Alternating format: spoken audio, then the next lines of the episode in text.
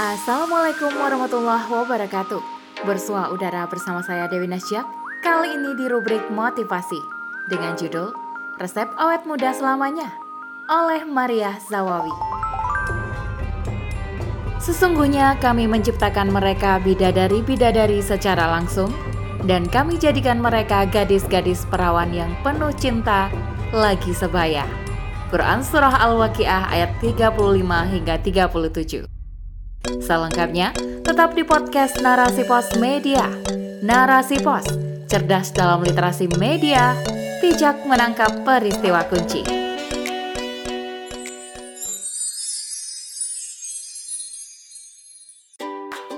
Siapa yang suka kalau disebut awet muda? Pasti semua orang suka. Apalagi kaum hawa mereka yang usianya sudah lolita alias lolos 50 tahun tak ingin dikatakan berusia senja. Bahkan, kalau bisa, masih dianggap remaja. Karena itu, tidak mengherankan jika banyak orang berusaha agar terlihat muda. Berbagai macam cara pun dilakukan, mulai dari cara yang alami hingga menggunakan teknologi terkini. Seseorang dikatakan awet muda jika wajahnya tampak lebih muda dari usianya. Tidak ada kerutan-kerutan di dahi dan di pipi. Kulitnya juga kenyal dan halus. Tidak ada flek-flek hitam yang menghiasi wajahnya. Semua itu diperoleh dengan perawatan wajah serta tubuh secara rutin. Mulai dari menggunakan pembersih muka, masker, dan sebagainya. Ada yang menggunakan bahan-bahan alami buatan sendiri. Dan tentu saja lebih ramah di kantong namun, ada pula yang memilih untuk membeli karena lebih praktis. Tidak perlu repot, tinggal memakai, dan untuk ini butuh uang yang tidak sedikit. Yang mana uangnya lebih banyak lagi memilih cara instan, yakni menggunakan teknologi. Misalnya suntik botox atau botulium toxin, yaitu menyuntikkan protein ke bawah kulit untuk menghilangkan keriput di wajah. Ada pula yang menggunakan terapi arus mikro alias mikrokuren, dan sebagainya. Sayangnya, ada pula yang memilih untuk tidak memiliki anak agar awet muda. Padahal, memiliki anak atau keturunan merupakan salah satu naluri manusia, yaitu naluri melanjutkan keturunan. Kalau sampai tidak mau punya anak hanya agar awet muda, berarti besar sekali pengorbanan yang dilakukan. Jangan-jangan saat tidak memungkinkan lagi untuk memiliki anak, Kerinduan terhadap hadirnya buah hati bergelora di dada. Di samping perawatan kecantikan, mereka juga melakukan olahraga secara teratur. Biasanya, agar bisa melakukannya secara rutin, mereka akan mengikuti grup atau komunitas, misalnya grup senam aerobik, yoga, dan sebagainya. Hal ini bertujuan agar kecantikan wajah itu juga diimbangi dengan fisik yang prima. Bentuk tubuh ideal, otot-otot yang kencang, serta tulang yang kuat. Dan dengan cara inilah awet muda ini mereka dapatkan. Meskipun usaha itu sudah dilakukan sedemikian rupa dengan mengorbankan waktu, tenaga, serta harta, tetapi mereka tetap tidak mampu melawan kodok Allah taala menjadi tua. Menjadi tua adalah sunatullah yang tidak dapat dihindari oleh siapa pun. Suka atau tidak, usia tua akan datang menyapa. Wajah mereka bisa saja tampak muda, namun tulang belulang serta sendi-sendi tak mungkin bertahan dalam kondisi seperti saat mereka berusia muda. Kekuatan tubuh akan berkurang, sendi-sendi pun terasa kaku, dan hal itu mengharuskan mereka berhati-hati saat beraktivitas. Begitu pula dengan alat indera mereka, semua akan berkurang kemampuannya, penglihatan mulai kabur, sehingga harus dibantu dengan kacamata. Kemampuan mendengar pun berkurang, Organ-organ dalam tubuh juga tidak seperti dahulu. Jantung tidak sekuat saat masih muda. Karena itu aktivitas seperti olahraga harus disesuaikan dengan kondisi fisik mereka. Fungsi saluran kemih pun mengalami penurunan. Akibatnya mereka sulit menahan buang air kecil.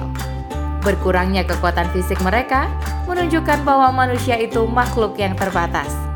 Maka, awet muda yang mereka upayakan pun hanya bersifat sementara. Sebab dunia dan segala isinya itu memang fana, dan yang abadi hanyalah Sang Maha Pencipta. Sebenarnya ada resep awet muda yang cespleng, bukan hanya awet muda di dunia yang sementara, Namun, awet muda selamanya? Berikut adalah beberapa tips agar kita awet muda selamanya. Pertama, kita harus meyakini dan mengakui bahwa Allah SWT adalah Sang Pencipta dan satu-satunya zat yang layak untuk disembah. Kemudian, kita harus meyakini bahwa Nabi Muhammad SAW adalah Rasul atau utusan Allah Subhanahu wa Ta'ala. Hal itu kita lakukan dengan mengucapkan dua kalimat syahadat. Jika kita telah mengucapkan dua kalimat syahadat, pintu gerbang menuju awet muda selamanya telah kita buka. Saat itu, kita telah berhak menyandang status sebagai seorang Muslim. Menjadi Muslim mengharuskan kita mengakui bahwa hanya Allah Subhanahu wa Ta'ala lah yang patut kita sembah dan kita taati aturannya. Di samping itu, kita juga mengakui bahwa risalah yang dibawa oleh Rasulullah benar-benar berasal dari Allah Subhanahu wa taala. Karena itu, harus kita jalankan dalam kehidupan kita. Kedua, membuktikan keyakinan dan pengakuan dalam bentuk tingkah laku, yakni kita harus menjalankan berbagai aktivitas berdasarkan aturan dari Allah Subhanahu wa taala. Baik aturan itu berasal dari Al-Qur'an maupun yang dibawa oleh Rasulullah wasallam dalam hadis-hadisnya. Aturan itu harus senantiasa kita terapkan di mana pun dan kapan pun. Sebab, aturan yang berasal dari Allah SWT itu adalah aturan yang terbaik bagi manusia. Karena itu, kita tidak perlu susah-susah mencari aturan lain, apalagi berpayah-payah membuat aturan yang ujung-ujungnya kita langgar sendiri. Nah, jika semua itu telah kita lakukan atas iroda Allah Subhanahu wa taala, kita telah menggenggam kunci pintu syurga. Di sanalah kelak kita akan menjadi sosok yang awet muda selamanya. Dalam hadis riwayat Imam Tirmizi dikisahkan bahwa seorang wanita tua meminta kepada Rasulullah agar didoakan masuk ke syurga. Maka Rasulullah pun menjawab bahwa syurga itu tidak akan dimasuki oleh orang yang sudah tua. Mendengar jawaban Rasulullah, wanita tua itu pun menangis maka Rasulullah meminta agar wanita tua itu diberitahu bahwa ia tidak akan masuk syurga dalam keadaan tua. Sebab Allah Subhanahu wa taala akan menjadikannya muda kembali seperti yang difirmankan dalam surah Al-Waqiah ayat 35 hingga 37. Sesungguhnya kami menciptakan mereka, yakni bidadari-bidadari secara langsung, dan kami jadikan mereka gadis-gadis perawan yang penuh cinta lagi sebaya. Hal ini menunjukkan bahwa kelak manusia yang masuk ke surga tidak ada yang tua. Semua berusia muda, meskipun pada saat meninggal dunia mereka sudah tua renta. Namun, saat masuk surga, mereka akan kembali muda.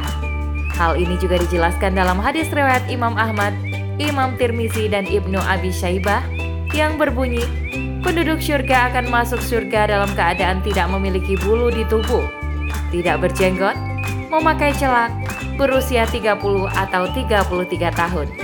Demikianlah, orang yang masuk surga akan awet muda selamanya.